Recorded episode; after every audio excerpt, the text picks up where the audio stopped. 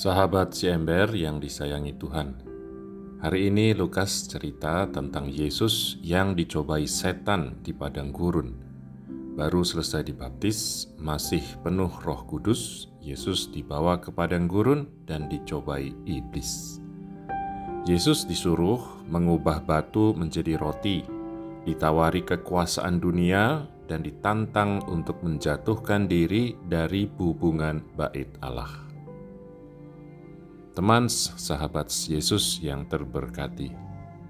Roti atau makanan bisa dibilang mewakili materi atau hal-hal duniawi.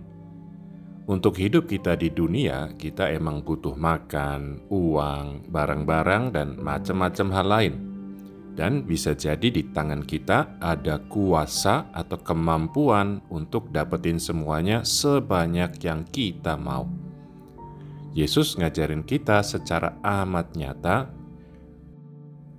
meski dia punya kuasa untuk ngubah batu jadi roti, meski dia dalam keadaan lapar luar biasa, dia tetap ambil sikap yang benar.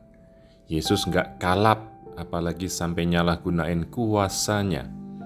Dia tetap tenang dan tahu porsinya.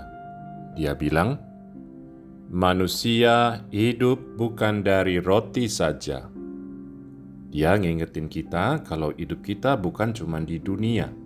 Materi dan barang duniawi emang diperluin, tapi nggak perlu sampai bikin kita kalap dan sampai nyalahgunain kuasa dan kemampuan di tangan kita.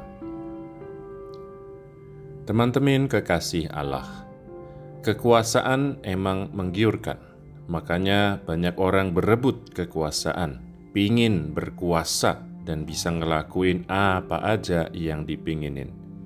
Karena itu juga berulang kali dalam sejarah orang menyerah dan akhirnya menghamba pada si iblis.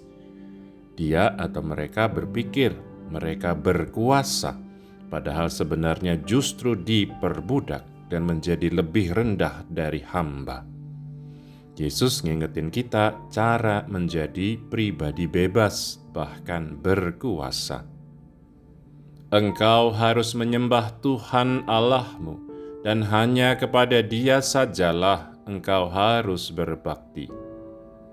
Menyembah Tuhan dan mengabdinya yang secara nyata dan konkret terungkap dalam pelayanan kepada sesama, itulah jalan kebebasan itulah sumber kekuasaan dan kehormatan kita.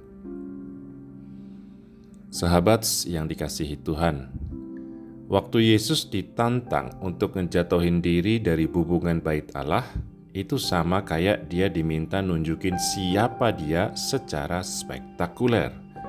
Kalau dia nurutin tantangan iblis itu, berarti dia minta malaikat-malaikat nangkep dia supaya dia nggak cedera. Di satu sisi itu kayak mau buat pertunjukan spektakuler yang bakal menarik banyak orang. Di sisi lain itu kayak bikin masalah dan nyuruh orang lain beresin. Untung Yesus bukan orang yang insecure, butuh pengakuan, dan bukan orang kurang ajar yang gak mau tanggung jawab. Malahan Yesus ngajarin kita. Jangan engkau mencobai Tuhan Allahmu, Tuhan itu baik dan sayang sama kita.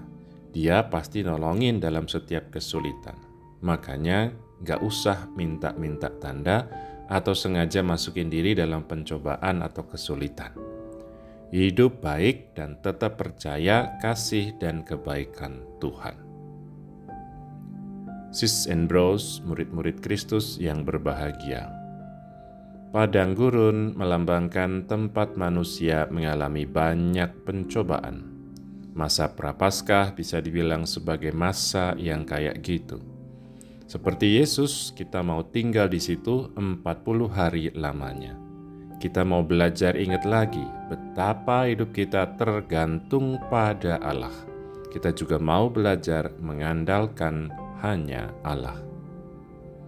Sahabat kekasih Allah, Yuk, maju terus menjalani masa padang gurun kita.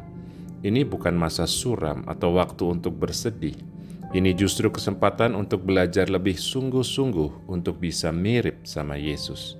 Dia aja udah mau solider, mau ngalamin semua yang kita alamin, termasuk pencobaan. Yuk, jangan buang kesempatan ini. Jangan lari dari pencobaan. Tetap happy karena Yesus ada bareng kita. Karena bak kita bakal jadi lebih mirip sama Yesus. Kita makin pantas disebut anak-anak Allah. Mungkin gak ya? Kalian baru aja dengerin renungan si ember bersama saya, Mo Nano. Tuhan memberkati.